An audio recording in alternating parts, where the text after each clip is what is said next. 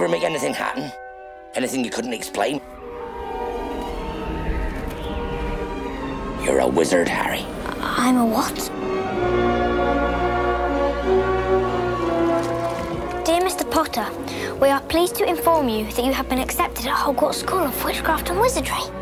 In a few moments, you will pass through these doors and join your classmates. 20 let. Přesně tolik uplynulo od momentu, kdy svět na vlastní oči spatřil obrýleného chlapce s jizvou na čele. Dvě desítky let od premiéry prvního dílu Harryho Pottera, filmovaného podle knižní předlohy J.K. Rowlingové, budou oslaveny speciální epizodou Návrat do Bradavic. Proč se Harry stal pro mnohé největším čarodějem všech dob?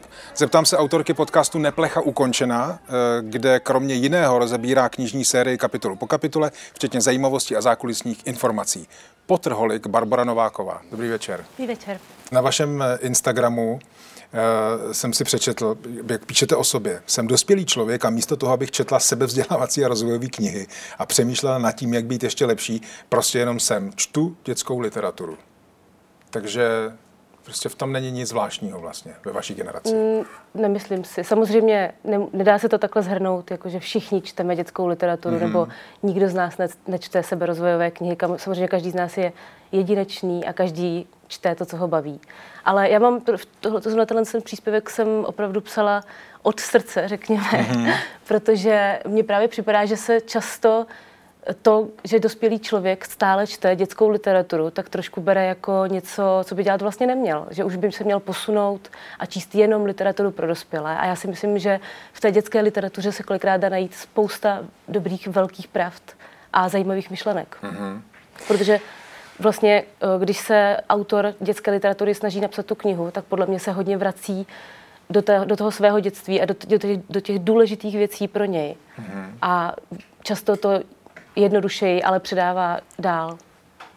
Eh, název vašeho podcastu odkazuje k tomu Pobertovu plánku, který se otvíral eh, tím, že se řeklo slavnostně přísám, že jsem připraven k každé špatnosti a zavíral se po větě neplecha ukončena.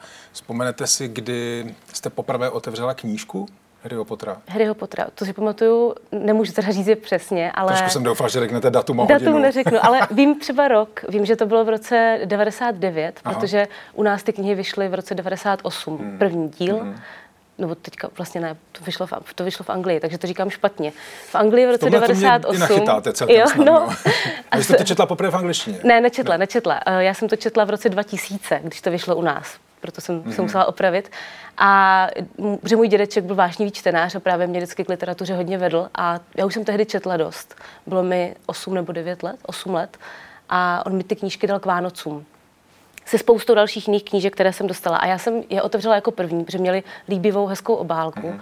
A chtěla jsem se začíst, jenomže první, ka, první kapitola je celá o, stře- o chlápkovi, který je ve středním věku, který pracuje jako manažer nebo ředitel ve firmě na vrtačky. Mm-hmm. A celá ta kapitola je o tom, že on jede do práce, vidí kočku, v práci ní, sní sendvič a pak jede domů se svojí ženou, která má malé dítě.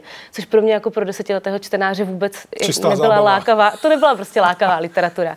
Takže jsem si přečetla celou no. tu hromádku těch knížek, co jsem dostala k těm Vánocům, pak mi došly knížky a říkala jsem si, no tak já tomu dám druhou šanci. No a na podruhé už se teda zadařilo, když jsem neměla Jste dobrá, že jste možnost. tomu dala tu druhou šanci, protože to jako občas se někdo prostě kousne a zasekne a ta, mm. už, to, už to prostě nejde, protože tam je ta první kapitola s kočkou. No, já si myslím, že jsem už prostě neměla jednoduše doma co ke čtení, tak jsem si říkala buď tohle nebo nic a naštěstí. Tady Daniela Drtinová. Chci vám poděkovat, že posloucháte naše rozhovory. Jestli chcete slyšet celý podcast, najdete ho na webu dvtv.cz, kde nás můžete i podpořit a stát se členy DVTV Extra.